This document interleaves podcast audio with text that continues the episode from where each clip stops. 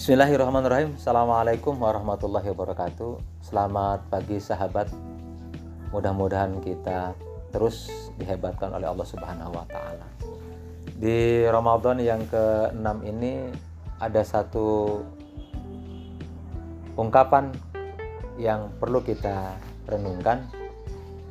Jangan takut untuk berbuat, apalagi takut dihujat Justru yang kita takutkan itu adalah kita tidak berbuat apa-apa sehingga kita tidak dianggap oleh Allah Subhanahu wa taala sebagai hamba.